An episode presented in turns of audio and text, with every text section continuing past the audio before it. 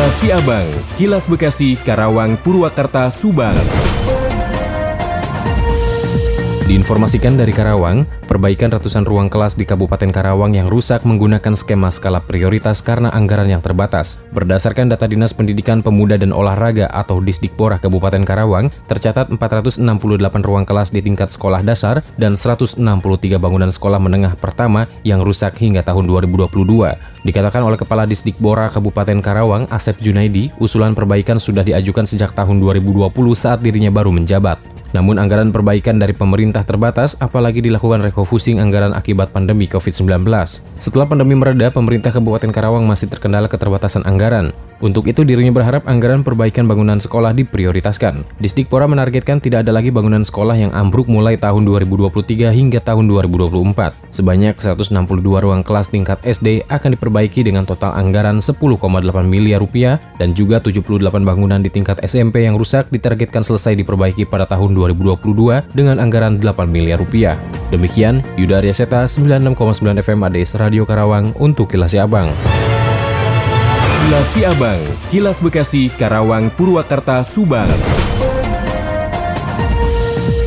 Setelah sempat viral video penemuan bocah yang kakinya dirantai di Jati Asih, Kota Bekasi, polisi akhirnya menetapkan orang tua sang bocah sebagai tersangka. Polres Metro Bekasi Kota menetapkan pasangan suami istri yang merupakan orang tua bocah berinisial R 15 tahun sebagai tersangka kekerasan dan pelantaran anak. Penetapan ayah kandung dan ibu tiri korban sebagai tersangka berdasarkan hasil visum pada tangan dan kaki korban.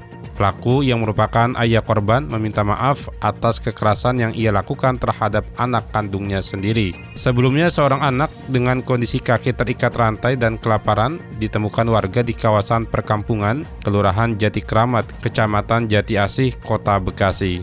Saat ditemukan anak itu meminta makan kepada warga. Ia mengaku kabur melarikan diri dari pasungan orang tuanya Diduga anak itu merupakan korban kekerasan oleh orang tuanya sendiri. Jenuddin Ishak, Radio Dakta 107 FM Bekasi melaporkan. Kilas Siabang, Kilas Bekasi, Karawang, Purwakarta, Subang.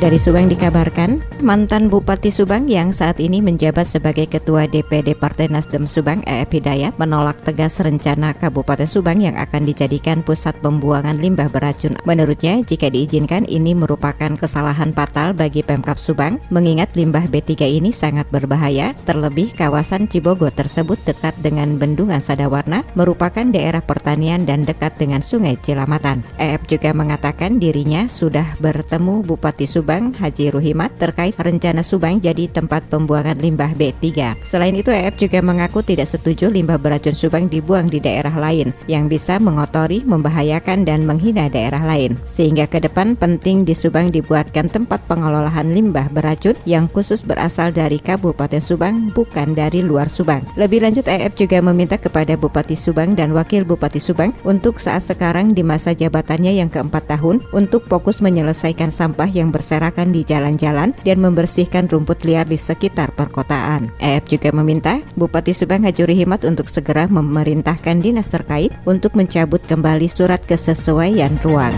Demikian Tika, GSP Radio Pamanukan mengabarkan untuk Kilas Siabang.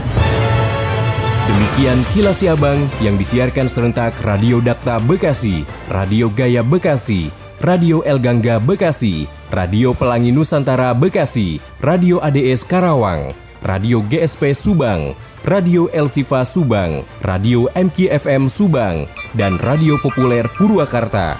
Nantikan kilas Abang selanjutnya.